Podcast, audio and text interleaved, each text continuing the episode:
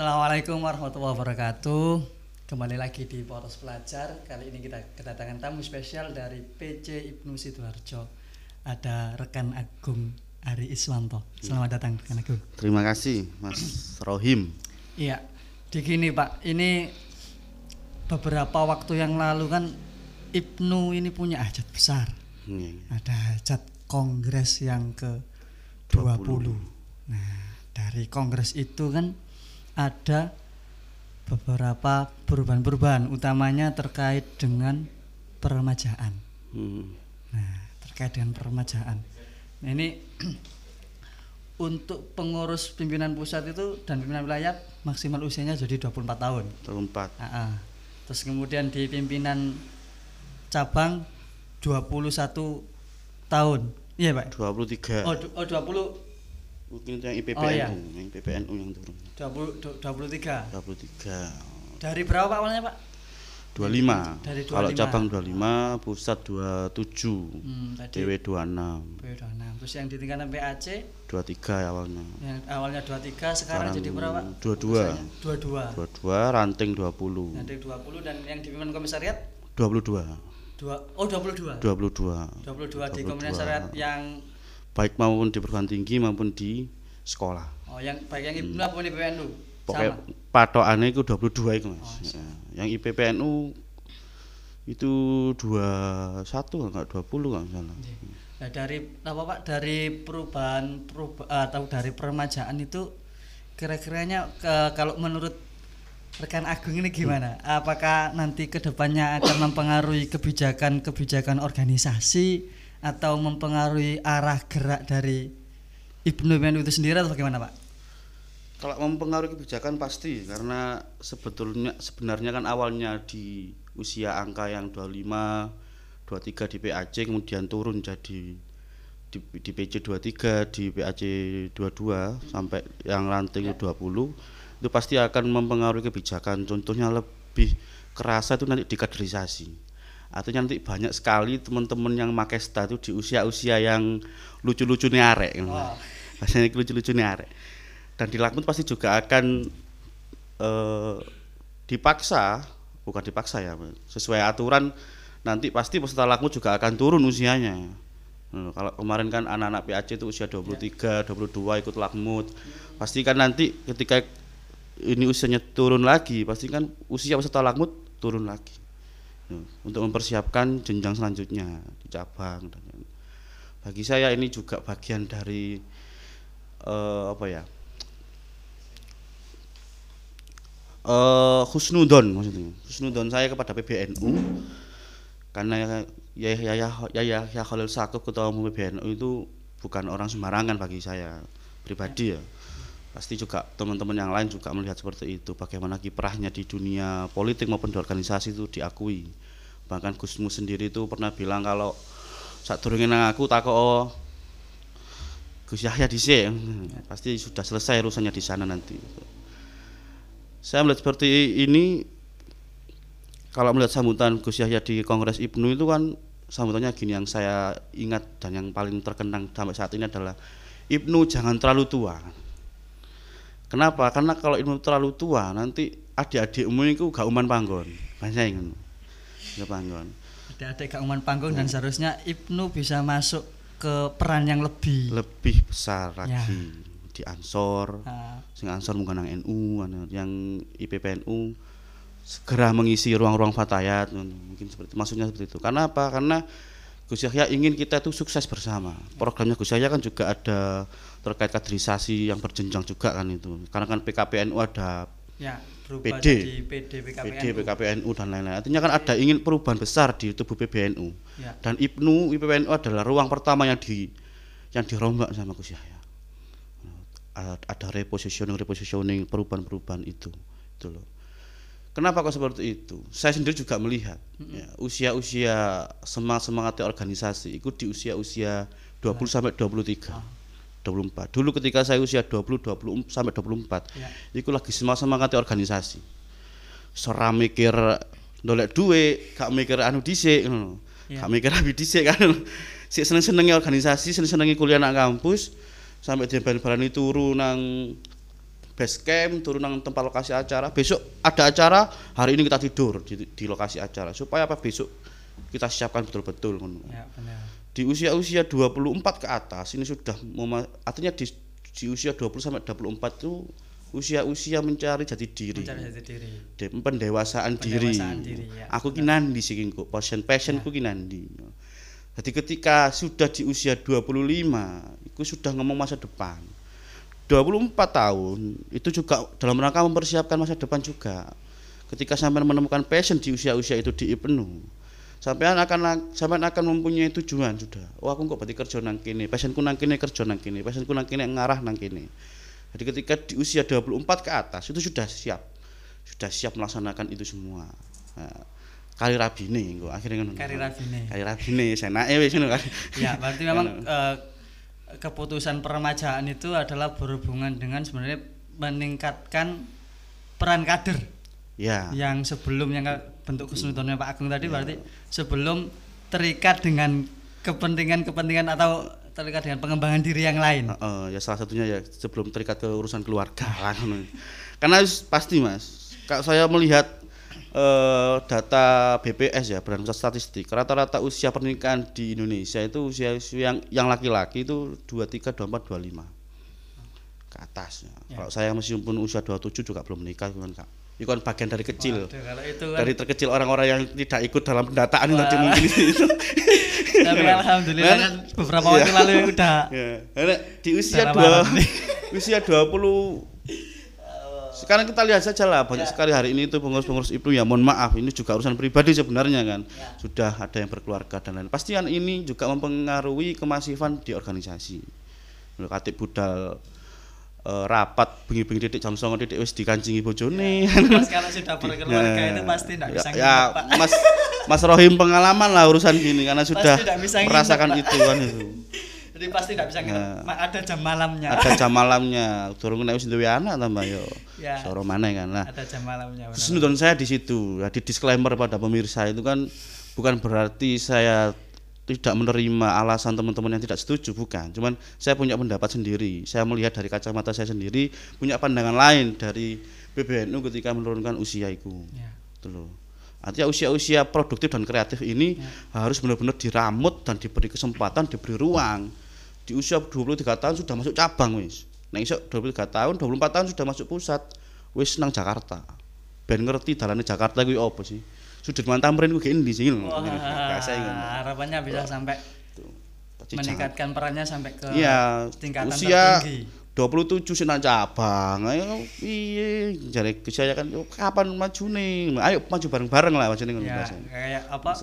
Ayahnya Gus siapa? Yai Wahid Hashim sudah di, um- di usia berapa? Nah. 36 tahun sudah Jadi menteri. sudah jadi menteri, Menteri sudah jadi agama. ketua PBNU. Wah, har- harapannya bisa seperti itu, Pak. ya? Betul, betul. Berarti peremajaan untuk meningkatkan peluang untuk peran Peran peran Ibnu. PNU ini Peran menjadi PNU lebih masif dan menjadi lebih masif. bersama-sama ini juga bagian dari eh, menjawab tantangan bonus demografi itu juga. Tapi kalau dari secara mentalitas berorganisasi, Pak, di usia-usia remaja itu kan terkait mentalitas organisasinya mungkin masih ya apa apalagi tadi dalam masa yang Pak Agung sebut tadi, rekan-rekan sebut tadi, Hmm. Iya. pen pencarian jati diri ya, atau masih di situ masih eh, bisa disebut fase labil atau Iya, masih iya. masih muda di gimana Pak terkait dengan itu? Apakah nanti akan jadi Bumerang. Eh, Iya, jadi bumerang buat Ibnu Benu sendiri. Kalau urusan mentalitas itu Mas, itu masih bisa diasah. Kalau ngomong mentalitas ya, sekarang itu anak-anak pelajar itu wis akeh sing balap liar, akeh sing wanita tawuran itu kurang mental apa lagi ya rare. mental apa lagi? Nek wis tawuran wani masuk ngadepi kepala desa gak wani sih ngono. Arek-arek ranting ketemu Pak Lurah masuk si izin kan gak. Saya apa maneh eh urusan-urusan sesama apa ya sesama pada-pada arek ibnu ne Benu sendiri pasti kan sudah lebih lebih enak.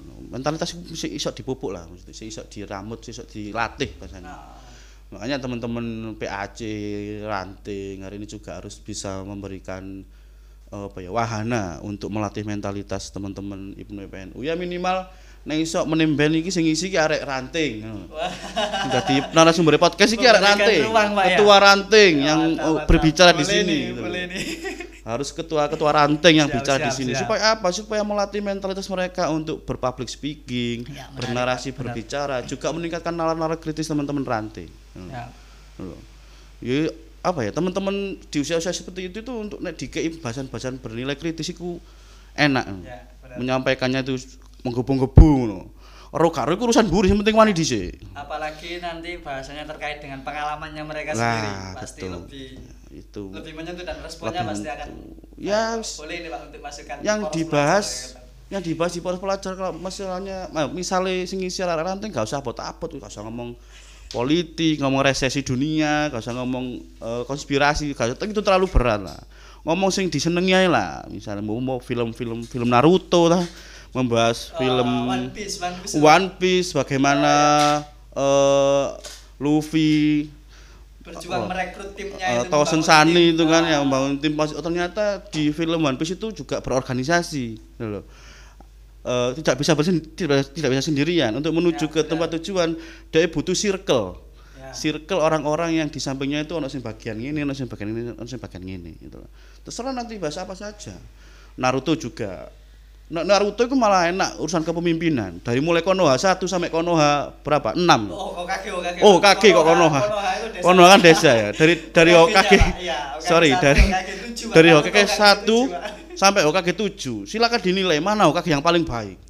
Berdasarkan apa? Itu berarti nanti masuk ke materi Masuk ke materi kepemimpinan. itu. Dari Naruto saja itu sudah bisa menilai apa ya sudah bisa membedah isi materi kepemimpinan gak usah ngundang-undang wong PW wong cabang gak usah wis Naruto itu ada materi pembahasan Hokage satu kelebihannya apa cara memimpinnya bagaimana kekurangannya apa sampai Hokage tujuh dibahas bareng-bareng Oh, menarik, menarik. kan podo hari ini seneng Naruto Naruto itu ada ikut seneng Naruto banyak, ya kan Pak. daripadanya menjadi apa ya meme-meme nang Instagram meme nang Facebook dibahas po oh, di Ibnu ini nilai plusnya Ibnu Dari pembahasan itu sebenarnya Mm. bisa juga meningkatkan eh, peluang untuk bisa lebih Tuh. mengenal peran Ya. apa sih yang sebenarnya Oh, ya dimulai dari yang dimulai dari yang kita minati ada ada apa aja lah dimulai dari yang kita minati aja lah ya kayak gimana seneng Naruto ya wis dibahas ya Hokage ku cara memimpinnya bagaimana Hokage pertama gitu Toko kono iku wis gawe bahan diskusi ku api Eh, wis api ya saya berharap nanti podcastnya ini ya sing dadi pemateri iki ya ketua-ketua ranting ngono lho. Ini. terus ranting gitu. Ya.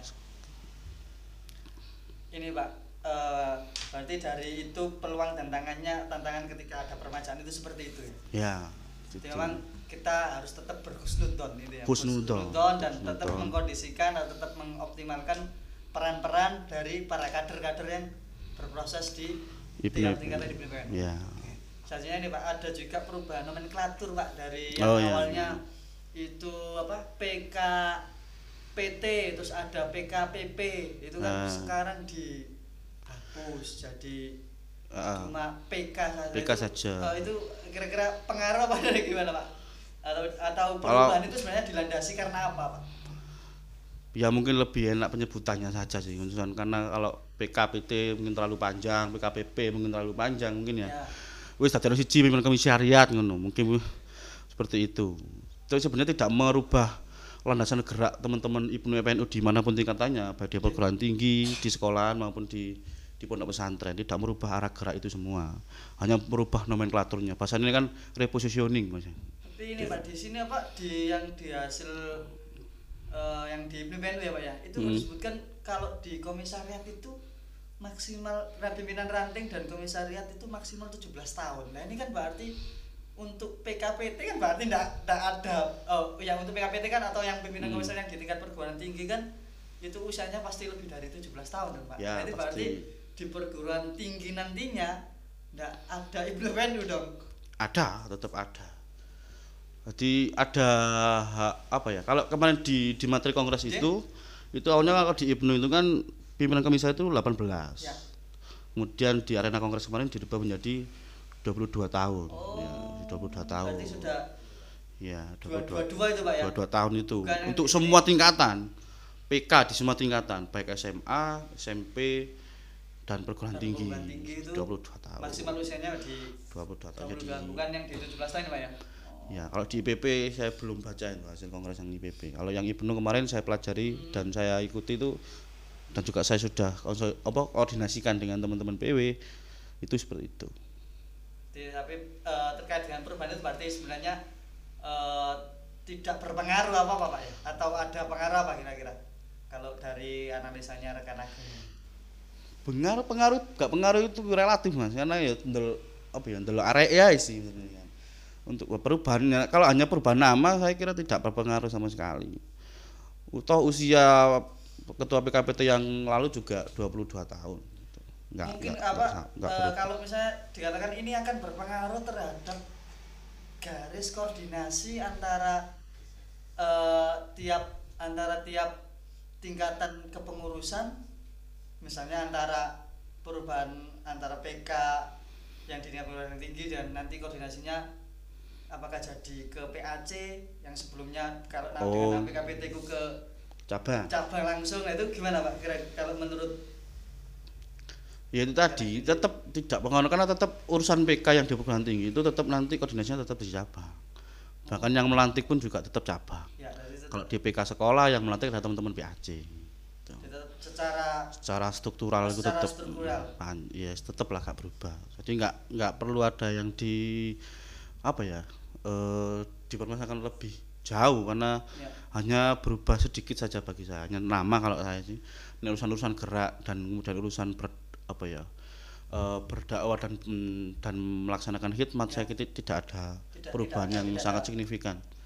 Kecuali misalnya nek ketua ketua PK Ibnu ya. harus dari luar NU itu baru masalah itu baru itu baru masalah ini peserta kongres sopo Misalnya. eh, terus gini kan yang, yang sebenarnya menarik itu kan di IP- IPNU IPNU itu kan ad- ada dua dua tingkat dua tingkat eh, atau dua dua jenis untuk tingkat kepengurusan tadi berdasarkan kewilayahan dan berdasarkan Pendidikan. pendidikan. Nah, itu nanti bentuk bentuk koordinasinya berarti disesuaikan ya disesuaikan tingkatan pendidikannya masing-masing. oh, oh. Disesuaikan tingkatannya masing-masing. Kalau Mm-mm. yang di tingkat eh, pimpinan komisariat di tingkat sekolahan SMP, menengah, SMA, eh, sekolahan menengah itu berarti ikutnya ke PAC PAC. Tetap seperti itu. tetap itu Nah, kalau terus yang di eh, PK yang perguruan tinggi tetap di cabang cabang. Nah, sebenarnya untuk eh, secara aturan organisasi, Pak ya, hubungan antara tingkat yang di bawahnya dengan tingkat yang di atas baik secara kedaerahan atau kewilayahan maupun secara tingkat pendidikan itu gimana, Pak? Secara amanah organisasi, koordinasi antara PC dengan PAC, Hmm. P- PAC dengan pimpinan ranting nah, itu idealnya itu bagaimana, Pak? Secara aturan organisasi pimpinan idealnya kalau yang tidak tertulis itu ya saling menguntungkan ya pendengaran itu. Secara tidak tertulis itu saling menguntungkan. Iya, saling bersama-sama atau menguntungkan tidak ada sekat bahasanya. Tidak ada sekat. Jangan kemudian kita menjadi cabang gagah-gagahan gagah-gagahan yang PAC sok-sokan dan juga di yang PAC keranting gagah-gagahan aku ki PAC enggak seperti itu juga. Karena tetap eh, bagi kami ranting atau bagi semua lah ya teman-teman Ibnu ranting itu nyawanya Ibnu hari ini nggak ada pusat ya nggak ada PW nggak ada apa PW juga tidak bisa berdiri tanpa cabang cabang tidak tidak bisa berdiri sendirian tanpa PAC Ya. PAC pun juga tidak bisa berdiri sendirian tanpa ranting. Artinya teman-teman ranting ini adalah ujung tombak utama. Ujung tombak utama teman-teman organisasi Ibnu di semua lini. Dimulai dari ranting semuanya. Saya pun juga dimulai dari ranting dulunya gitu loh. Lah memang ini ini uniknya Ibnu gitu loh. Uniknya Ibnu itu bergerak di dua base basic ya. Satu basic kedaerahan dua basic lembaga pendidikan. Ya. Kalau di basic kedaerahan itu ya dari tingkatan eh, pusat, provinsi, kabupaten, kecamatan Ya. sampai desa. Ah. Itu ada PAC, ada ranting, ada cabang dan lain-lain. Mm. Bahkan di luar negeri ada PC istimewa. PC istimewa ada Itu juga. unik lagi lah Mas. Nah, yang di wilayah pendidikan itu ada pimpinan komisariat dari mulai perguruan tinggi, SM, SMA, SMP. Ini bidang garap yang kemudian harus kita bisa memilah dan memilih. Artinya itu tidak bisa digebiah uyah disamaratakan untuk menggarap dua dua arus ini karena memiliki perbedaan sosial budaya dan mas, dan dan lain-lain ya, dan arah gerak dan juga dan lain-lain. Kalau wilayah ranting pimpinan ini penuh di ranting itu akeh songgoane Mas Hani. Akeh songgoane iku akeh sendenane. Ya. misalnya ketika acara teman-teman ranting butuh apa butuh apa misalnya dia wis mentok pemikirannya gak iso lapo-lapo njaluk tolong cacak-cacak ansor. Nah, tolong nang ning fatayat konsumsinya njaluk tolong ibu muslimat. Lah yang di teman-teman di PK ini ketika mentok dalam urusan apa pun ini njaluk tolong ngono. Tidak support yayasan, Pak. Buat yayasan. Support Ya mudah-mudahan yayasannya juga bisa mendukung itu lebih bagus itu loh. Nah, tapi secara berarti secara tidak tertulis bentuk koordinasinya itu sesuai dengan budaya organisasi. IPU IPPNU. Dan Yang tidak ada sekat. Tidak Hmm. ada gagah-gagahan, tidak ada sekat. Nah, Hmm. kalau secara aturan tertulisnya, Pak, hubungan antara tingkat-tingkatan tadi itu bagaimana, Pak? Harusnya, Pak? Ya garis koordinasinya dan juga garis Ya. administrasinya sudah jelas, Mas. Nah, ranting ya nang PAC garis baik dari administrasi maupun koordinasi. Ya. Kemudian ada garis apa ya, pembinaan lah bahasane. PAC yo bagaimana caranya ngeramut ranting supaya iso urip terus biar gak menjadi organisasi yang layak mutu walayahya ngono kan. Wis gak wis gak bermutu gak duwe biaya. Ini kan Pak, kawat. Wis gak bermutu gak duwe biaya waduh. Saya kira enggak hidup enggak mati kok. Layak mutu layak ya, layak bermutu kan enak biaya. Iya, wis gak bermutu ngentekno biaya, gak duwe biaya misalnya. Aduh. Inilah Mas Yoro. Nah, itu kan makanya saya hari ini juga harus merubah eh apa ya, paradigma cara berpikir dan juga paradigma cara menuntun bahasa oh menuntun terlalu Memekan. apa ya? Eh, Paradigma cara pendekatan, pendekatannya Pendekatan. mulai harus dirubah dari teman-teman organisasi. Ya. Kalau dulu itu kan banyak sekali kegiatan-kegiatan PAC, PC yang bersifat untuk turun ke bawah turba, itu lebih sering ke kegiatan-kegiatan formal. kegiatan formal. Oh, formal ya. dan lain-lain. Hari ini juga harus dirubah sedikit demi sedikit. Ada formalnya ada untuk rapimcap, konfer konferancap, mungkin eh, itu harus ya harus formal. Tapi untuk urusan turba mengidentifikasi masalah, puzzle-puzzle masalah di ranting, saya kira enakan lewat non formal. Ambek ngopi, ini kan, ambek ngopi, ambek nyantai, ya kan. Ya apa Mas rantingi kok Hmm. ngini sama Oh, niki. iya. Ya. Ini kan ngomong enak-enakan kayak ngopi cangkruan lah gitu kan itu teman-teman kayaknya tuh lebih enak dan lebih luwes karena kalau formal ketika pembawa acara atau MC itu ngomong ya mungkin ada yang mau ditanyakan rekan dan rekan kita saya yakin 100% pasti boten enten. Tanya, ya. tanya karena apa ada pun cuma satu dua dan itu sangat formal sekali. Opo, bagaimana caranya menikah apa sih ini Berarti memang Lebih enak non ya, formal. yang dibangun itu berarti kedekatan, iya. ya? Bangun kedekatan di dengan- cabang itu di tahun pertama kemarin itu Iya. saya nyoba itu Eh, turba secara non formal Ya. di saya hubungi ketua PAJ nya mas saya kebetulan kan kemarin zona satu Balong Bendo Krian dan Tarik saya hubungi ayo eh iki turba tapi non formal lu sembarang nang warung kopi ndi lah sakal sampean jadi kita yang menyesuaikan mereka dan non formal ini luwe enak luwe luwes luwe akeh curhate. Piye cak? Aku ki kudu ngene cak. Arek-arek iki rada merosot ilang kabeh iki piye aku kudu ya apa? Lah akhirnya kita akan mulai tahu pasal-pasal masalah di bawah itu seperti apa. Ya. menemukan ide- identifikasi masalah itu seperti apa dan juga lebih enaknya lagi kalau non formal adalah irit biaya. Kalau formal ini teman-teman yang tuan rumah tuh menyiapkan konsumsi tuku aqua ya kan tuku pangan-pangan ini nek non formal nang warung kopi pesen-pesen dhewe bayar-bayar dhewe Bayar dewe-dewe, pesen dewe-dewe. Syukur-syukur ya. PAC ne bayari ranting gak apa-apa ya gak apa-apa. Mek kopi 3000-an lho, Bro. Masa gak ono sih kasih PAC. Iso nge podcast ngene masa ya tur bandang ranting ku. Njaluk ranting sih tuku urusan kopi tuku dhewe-dhewe ya wis. Ya ya ya. Pesen-pesen wis Cak. aku urusan PAC wis ngono. Ati kok longgo ning warkop.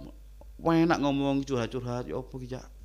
Ranting, anti apa Cak? Ranting sampean? Mas kok rada karena sing teko wingi acara PAC kenapa? Pasti kan enak tak kok ngomong-ngomong iya ya ada arek ini sing kerja. Akhirnya kini kini ngerti oh kebutuhan ranting itu apa sih? Ada arek iku pingin diapakno sih. Karena organisasi itu nggak kabeh ku wong seneng siji loh ya. Ya. air mineral ini tidak semua orang suka. Organisasi seperti itu ketika kita buat kebijakan kita buat air mineral ini nggak semua orang itu suka dengan mineral ini ono sing seneng ST ono sing seneng kamar liyane Ya. warna biru warna oranye Ya. banyu sing warna liyane lak ngono oke ojo orang tua lak ngono sih guyon ya guyon sing penting tetep Iya iya iya. iya. eh, bisa diombe mana- intinya kalau misalnya terkait dengan koordinasi antar tingkatan itu yang perlu Ya. dibangun adalah kedekatan komunikasi. Pak. betul dan yo non formal itu Non-formal. non formal karena kalau ya aku mau nek formal aku ngono mesti mas ya, mesti ngono lah kira tak campur bahasa Jawa gak apa-apa kan Ya. ya. formal tuh mesti ngono etika mesti ngomong mungkin ada yang mau ditanyakan itu kadangnya kan sing takok loh adanya sing takok ya di Jiloro itu pun juga pertanyaannya sebenarnya pertanyaan-pertanyaan yang sudah biasa kita dengar. Ya, jadi pertanyaan formalitas. formalitas nek kene turba nang warung kopi ngejak ngopi ra ketua rantinge cak ya iku lebih oke. lebih apa ya lebih menunjukkan kita sebagai seorang manusia yang berinteraksi Ini Pak, kalau misalnya gini kita dihadapkan dengan kondisi yang misalnya di rantingnya itu terkait dengan keterbukaan komunikasinya itu hmm. minim terus kemudian juga minim pergerakan juga Yeah. ada kegiatan cuma ada struktural tapi tidak berjalan Nah, itu Hmm. Bentuk eh, lalu langkah untuk bisa menyelamatkan dengan kondisi yang seperti itu bagaimana pak? jadi aku mau lah di jadi teman-teman PAC itu harus pintar mengidentifikasi masalah itu mau ada masalah apa sih di ranting tersebut kalau misalnya ternyata masalahnya tidak bisa diselesaikan sendirian Ya. kan di ranting tersebut pasti ada wong ansore Oh, anak ah, struktural di atasnya terutama di pelindungnya kan keluarga besar Nahdlatul Ulama ranting N, bapak rantingnya Bapak ranting. Bapak ranting NU bapak ranting NU ini lho ibnu mungkin butuh dorongan dan lain-lain itu. Nah itu kita sebagai jembatannya doa menjembatani mawon maksudnya eh, ranting Jadi ini. untuk eh, menyelesaikan suatu permasalahan itu di, dioptimalkan dari internal UMM sendiri nah, Iya. kalau tidak bisa melibatkan struktural NU yang eh, eh, kalau memang kita dirasa eh, permasalahan ini Jadi, butuh sentuhan dari caca-caca ansor atau mungkin butuh sentuhan dari bapak NU nya sendiri. Ya nggak apa-apa. Kenapa kita harus malu untuk meminta tolong? Demi keselamatan bersama-sama. Lah ngono sih mas. Itu. Lagi-lagi berarti kuncinya di komunikasi pak yang terkait Eh, dengan, tetap eh, komunikasi. apa, dan juga mungkin ya PAC juga harus bisa mengklaster juga ranting-ranting mana yang dalam tanda kutip ada zona merahnya oh, zona kuningnya, zona iya. hijaunya gitu loh. Ada klasterisasi nih bahasanya. Oh, ranting ini masuki zona merah dengan skala indikatornya itu sekian sekian sekian. Iya. Tingkat ke- tingkat- dalam waktu dekat ini ada program ini kasterisasi eh ya, ya. dari organisasi NPC ini ada Klasterisasi dan juga Ya, ya, akreditasi itu teman-teman. Ya itu nanti dirapim lah. oh di rapi belum Dirapim lah. kan.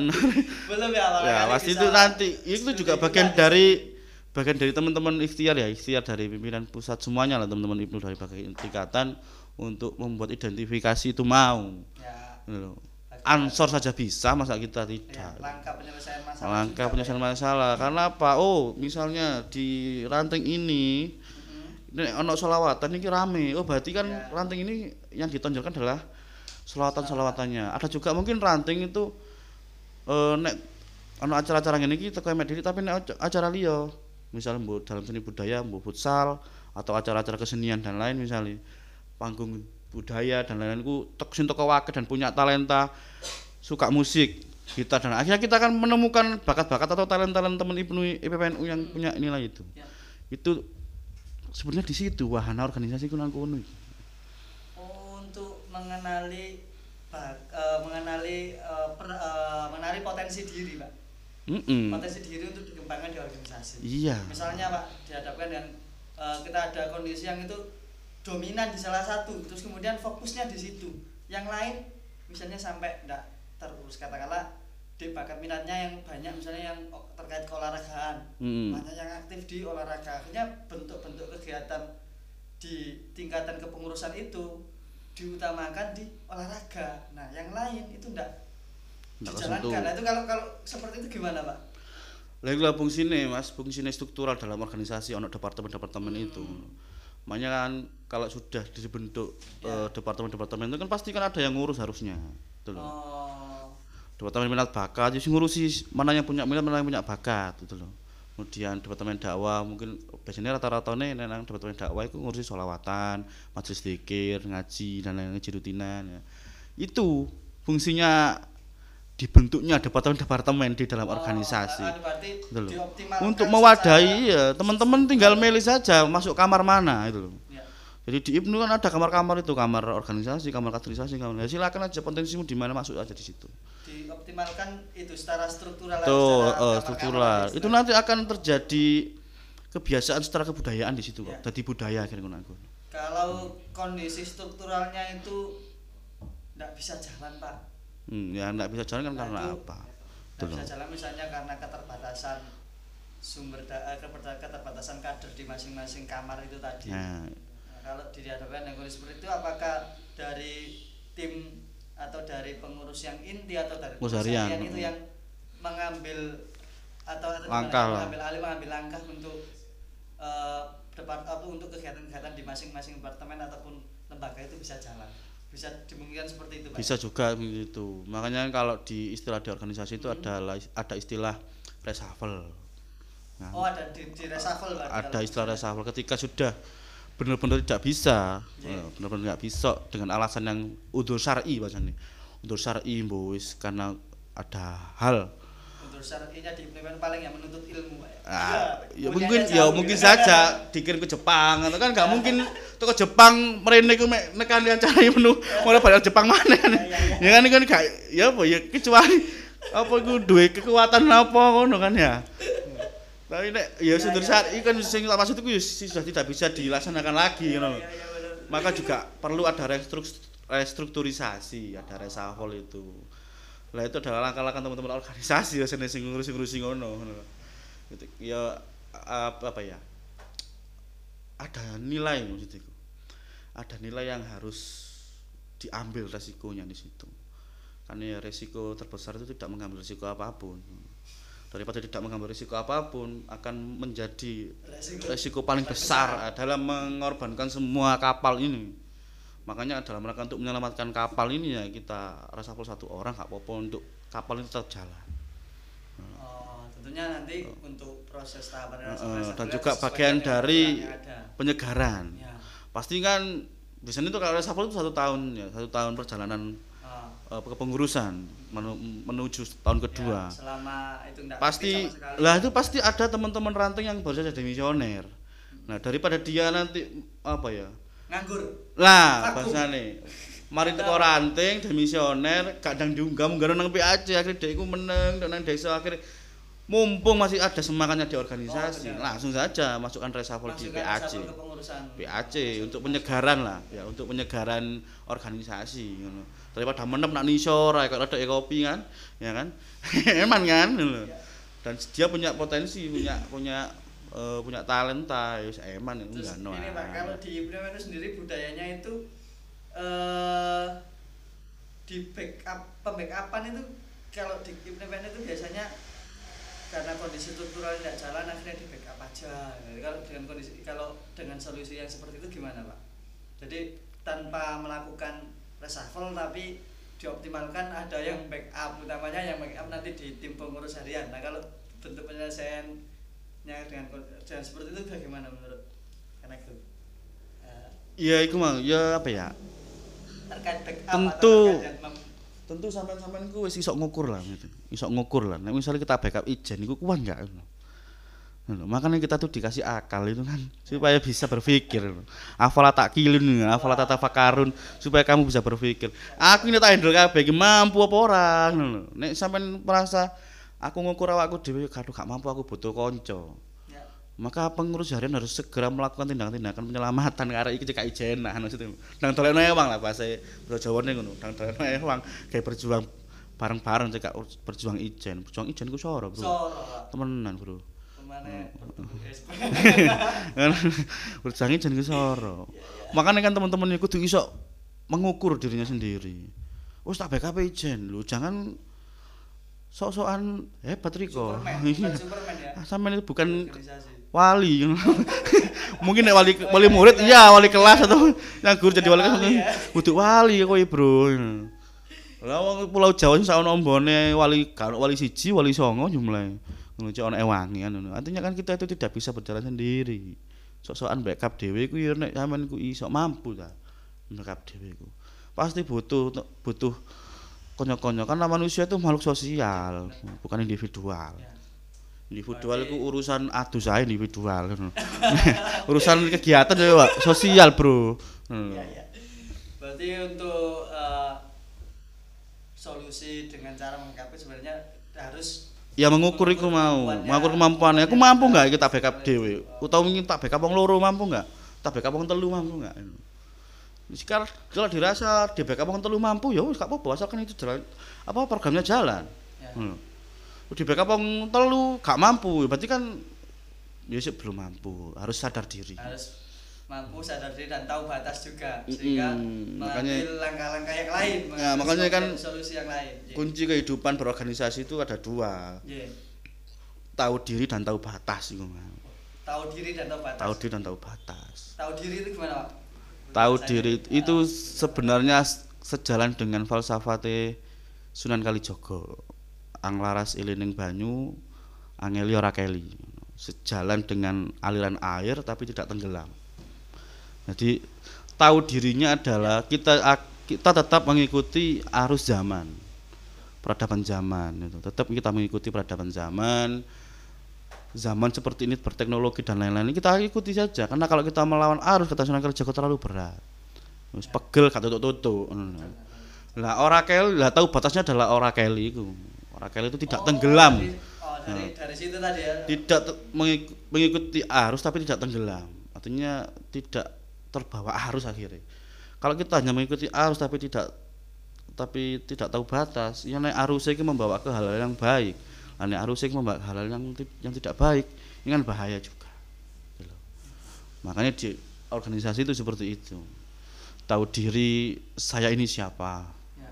Gitu sebagai apa dan lain-lain. Batasnya adalah saya ini beribnu PNU sesuai dengan alusunah jamaah Nahdiyah. Misalnya contoh Ya, hari ini zamannya adalah jadi. gak ngerti mbuh revolusi industri, sosio- society industri ono sing Oh, ngomong iya. ngono kan ya. Ya. Padahal cara ditakoni temen yo garo revolusi industri ku apa? Society industri ku apa gak ngerti sebenarnya. Cuman karena melok-melokan kalimat-kalimat G internet revolusi industri 4.0. Wah, itu Padahal kan dari tema-tema milih aja. Milih Eh, banyu. pengen dari milihnya banyu mau akhirnya hari ini ya kayak gini ki ya ono podcast media digital dan lain-lain. Tapi harus tahu batas. Tahu batasnya teman-teman adalah ketika ono misalnya eh ono isu-isu sing sekiranya nggak perlu dikontenkan jangan dikontenkan. Ono misal ono ono isu KDRT orang tiba-tiba nggak konten KDRT Iku jenenge tidak tahu diri dan tidak tahu batas. Ya, termasuk yang ikut arus dan Ya itu termasuk ikut arus dan dan, Inti- teng- dan tenggelam. Oh, tenggelam Nah, bahkan tenggelam ya sudah tenggelam. terbawa arus Karena tenggelam. tidak tahu batas itu ada, akhirnya tenggelam terbawa arus. Tuh, makanya itu sangat apa ya mancep sebenarnya falsafah dari Sunan Kalijogo itu. Anglaras ilining banyu angeli ora keli itu. Di- eh, tetap mengikuti arus tapi tidak tenggelam. Oh, itu se- sebenarnya itu sikap yang harus dimiliki seorang kader Pak. Iya. Kalau dari sisi keorganisasiannya Pak, sebenarnya batas-batas di organisasi tahu-tahu diri dan tahu batasnya sebagai satu kesatuan organisasi itu bagaimana Pak? Secara aturan yang di organisasi kita nih Ibnu PNU. Supaya nanti supaya apa? Supaya tujuan organisasi itu bisa tercapai tentunya. Oh. Iya. Iya. Ya Pak. Sponsori oleh Wono Ayu. Khas ini Pak. Khasnya. Iya, produknya MWCN Wonoayu ini. NUQ. Sehat, segar dan alami. Bismillahirrahmanirrahim. Hmm. Hmm. Anyep mas. ya baju mana? Soalnya air mineral ya anyep. Segar Pak, ya. Anyep tapi seger mas enak. Benar. Kayak kayak arek-arek kayak arek-arek seger. Eh, ya, secara organisasi. ya secara secara kesatuan organisasi kita tuh gimana Pak harusnya? Maksudnya untuk yang dinamakan dengan itu tadi batas-batas Eh, eh, eh, ya. Oke kita ini organisasi Ibnu geraknya itu gimana? harapannya lah ke depan untuk supaya tidak sampai kintir, nggak sampai kintir atau nggak sampai Ah. bahkan bahkan ya sampai tenggelam juga ya. Iya. Nah, itu. Ya karena ini kan karena kita ini anak NU ya. Ya anak NU ya pasti kita sudah tahu NU itu seperti apa ngono. Ya Ibnu kan sebagai anak ya melok bapak. ngono. Kalau gak melok bapak melok atau melok kiai itu sapa maneh gitu. Tuh, secara organisasi ya ya ayo bareng-bareng gitu loh. Karena di program sebagus apa pun tapi nek gak bareng-bareng itu gak enak. Dan tentunya karena hari ini adalah di peradaban digital. Kalau kata orang itu menang media menang, kalah media kalah. Sekecil apa pun kegiatan organisasi, upload nang media sebagai juga jihad film medsos itu. Dari Kiai Maruf Amin itu kan jihad film medsos sebagai langkah jihad kita di ruang-ruang maya, dunia maya. Tuh. Jadi dan tahu batasnya lah minimal. Teman-teman Ibnu tahu batasnya. Ini sing perlu tak upload, ini sing enggak. Karena pasti manusia itu kadang juga lepas diri. Nah, meskipun ngerti tahu batas tapi kadang sih lepas diri. Nah, yang lepas dirinya ini jangan diupload. Tolong. Saya pasti yakin lah teman-teman Ibnu sudah tahu itu bagaimana arah organisasi kalau tahu diri dan tahu batas. Ada secara posisi koordinasi yang tahu di atau batas itu dengan anu dengan tadi kita sebagai satu kesatuan tuh rumah heeh, Nahdlatul Ulama. ya sebagai santri bahasanya. sebagai santri Tri, santrinya anak anak Ulama sama gitu kan ya. Tuh.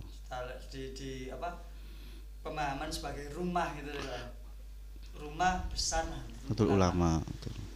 berarti posisi Ibnu Ibnu ini sebagai rumah ya Pak bukan bukan tujuan bukan kendaraan yang nantinya digunakan untuk mencapai tujuan-tujuan organisasi tapi lebih ke bahwasanya Ibnu Ibnu itu rumah Iya. Ya kalau ada pilih Mandiri, gitu. kalau ada pilihan Ibnu Ibnu ke rumah atau kendaraan ya saya jawabnya rumah lah. Hah? Kalau ada pilihan pertanyaan rumah atau kendaraan Ibnu Ibnu ya saya jawabnya rumah. Kenapa? Karena karena untuk mendapatkan identitas ya secara administrasi ya, itu harus punya rumah alamat dan lain-lain loh kalau kita punya kendaraan saja tidak punya rumah ya kita apa ya kudu gak diarani uang akhirnya. Maksudnya apa ya nek aran iku? Ke mana harus dicari orang ini kalau tidak punya rumah?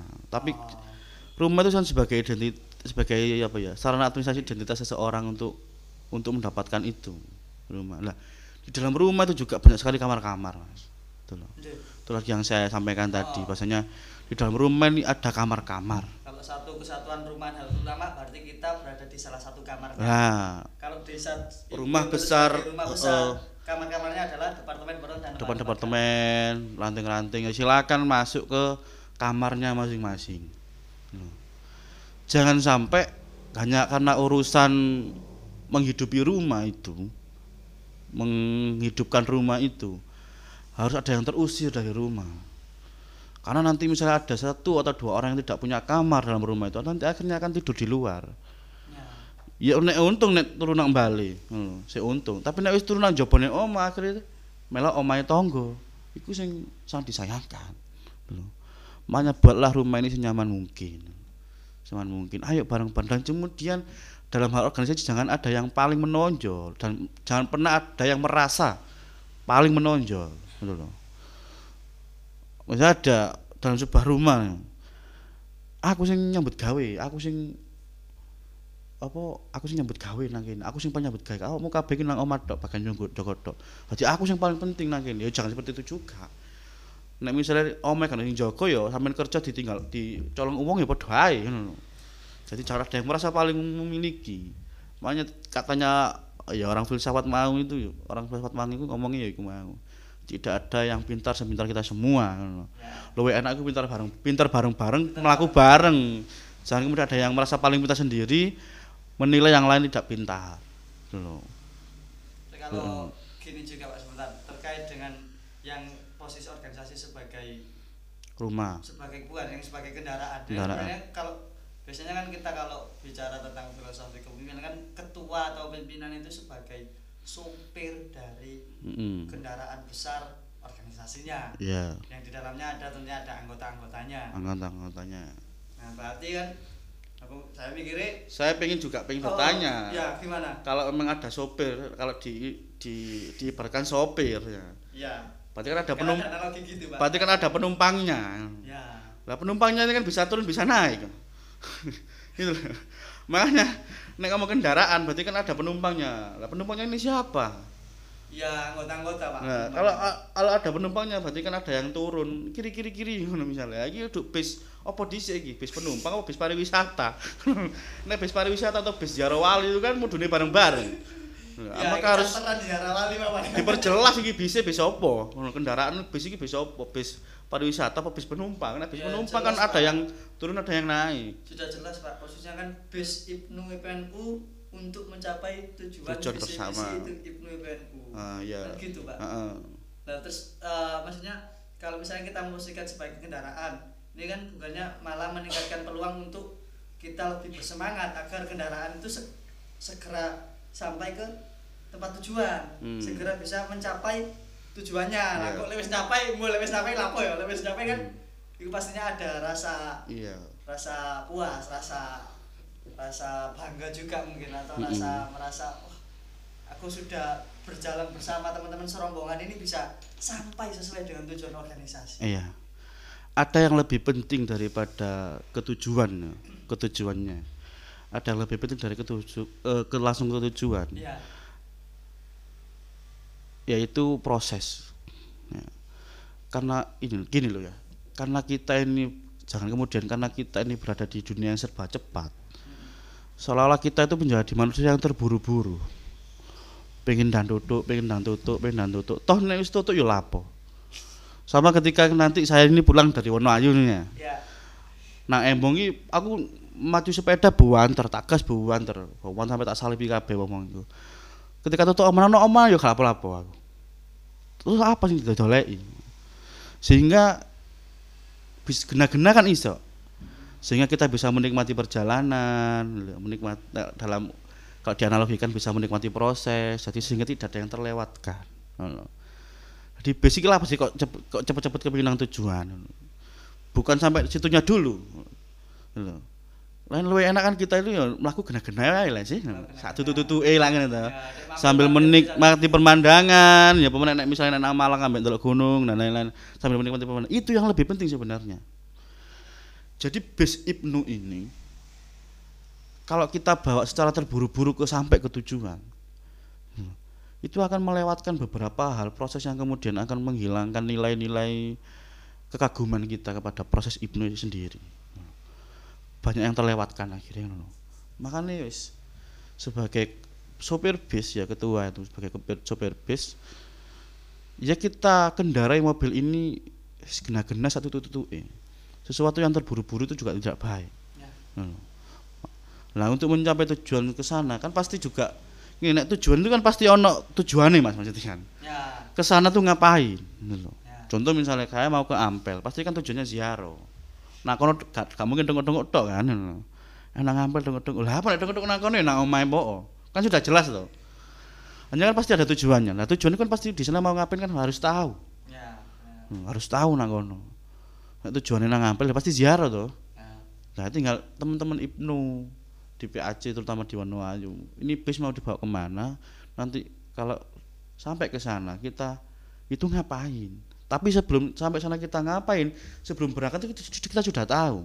Sadurunge budal kok wis ngerti nak kono kok lapo ae. Nu bal-balan, bu selfie-selfie, bu healing dan lain-lain. Ini kan iku kan wis dirapatno sebelum berangkat iku sih.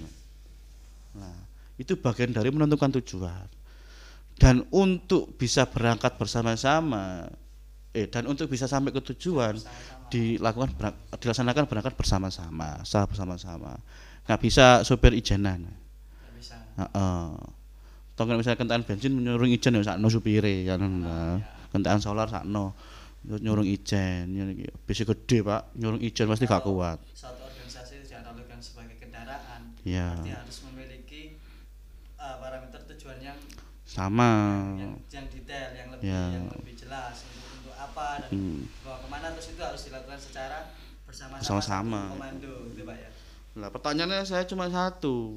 Kalau misalnya di dalam penumpang itu ada yang nggak mau ke tujuan itu bagaimana? Ngono sih. nah Misalnya kan ngomong bis ya, bis itu kursinya bis kendaraan eh, kendaraan atau bis lah, tanggap bis lah. Itu jumlahnya 65 55 kursi. ya.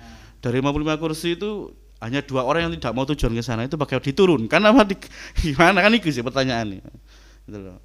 maka harus sebagai sopir atau sebagai pimpinan ziarah bahasa gitu.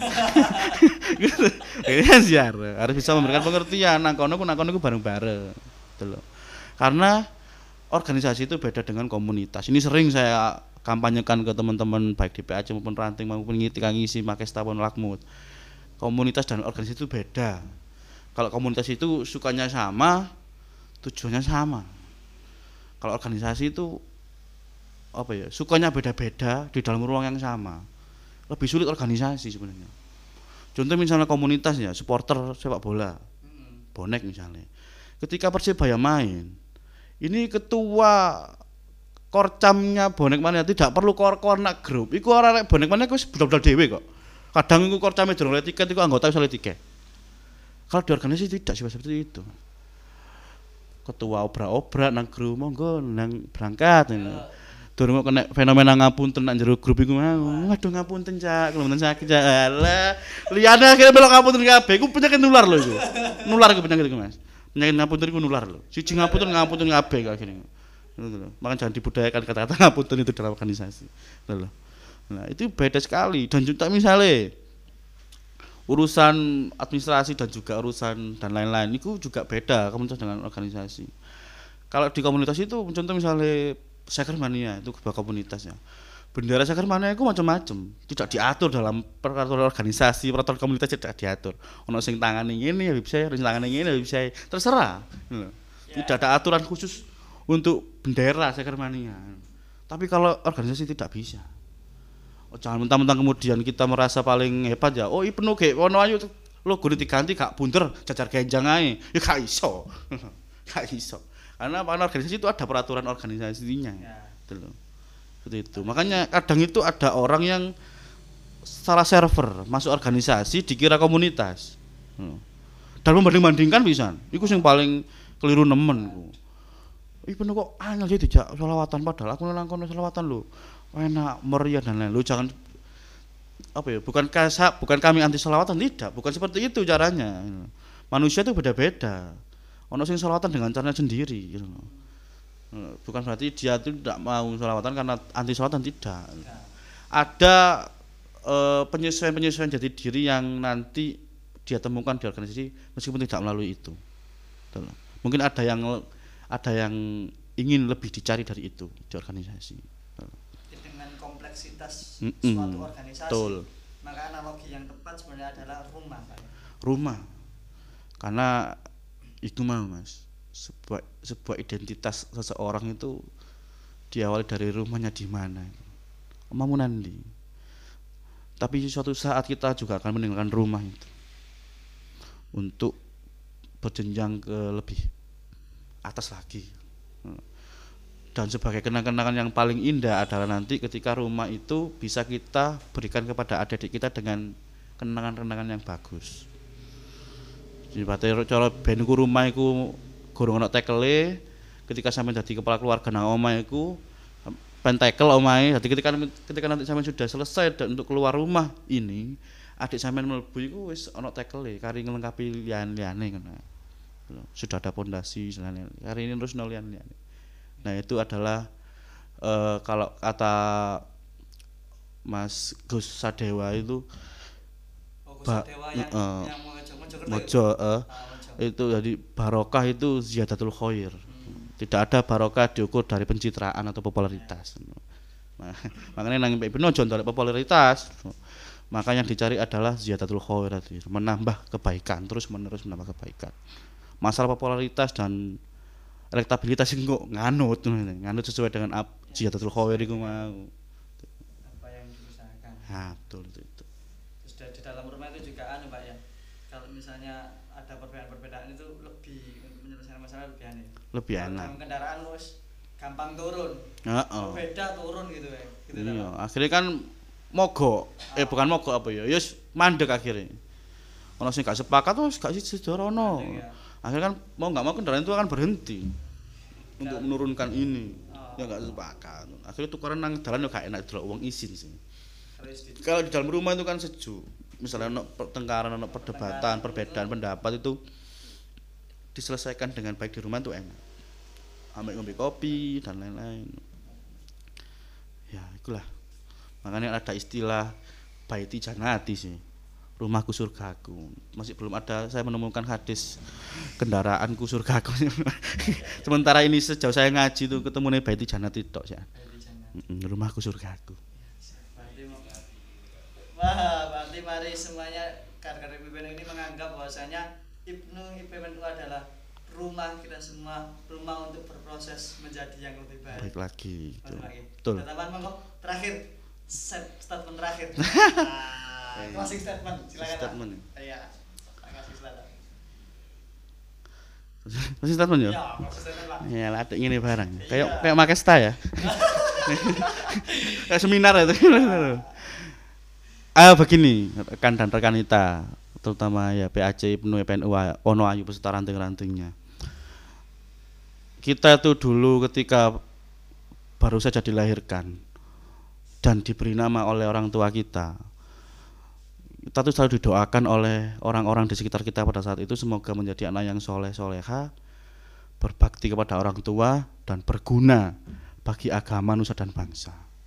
Jika hari ini kita terlibat dalam urusan-urusan dalam rangka memperjuangkan agama dan juga dalam rangka membela nusa dan bangsa itu artinya kita sudah artinya doa orang-orang tua kita dan orang-orang sekitar waktu, kita di kei jeneng biyen niku akhirnya sebenarnya sudah terkabul. Ya artinya kita sudah menjadi orang yang berguna. Sebenarnya kan itu intinya. Menjadi orang yang soleh dan soleha tapi tidak berguna ya kayak apa? Menjadi orang yang berguna bagi agama nusa dan bangsa tapi tidak soleh soleh kayak apa ya tambah nemen. Nah, artinya dua hal ini juga harus diimbangi. Artinya apa? Melo organisasi ku ya dadi anak sing soleh ya dadi anak sing soleha ya nilai plusnya adalah berguna bagi agama nusa dan bangsa. Itu pak nilai plusnya ikut organisasi itu seperti itu. Makanya ayo kita menjadi orang yang berguna bagi nusa dan bangsa. Bagi agama nusa dan bangsa. Melalui IPNU PNU lalu di mana ya ini? Lalu. karena organisasi IPNU PNU ini ya organisasi yang bersifat keagamaan dan kebangsaan. Sudah klop ini sudah sudah perfect bahasanya sempurna organisasi ini tinggal kita saja yang yang menyempurnakan diri kita untuk berbakti di sini menjadi orang yang benar-benar berguna bagi agama nusa dan bangsa Habis itu. Siap. Sekian poros belajar kali ini. Sampai jumpa di episode berikut. Oke. aku gak rokok anu sungkan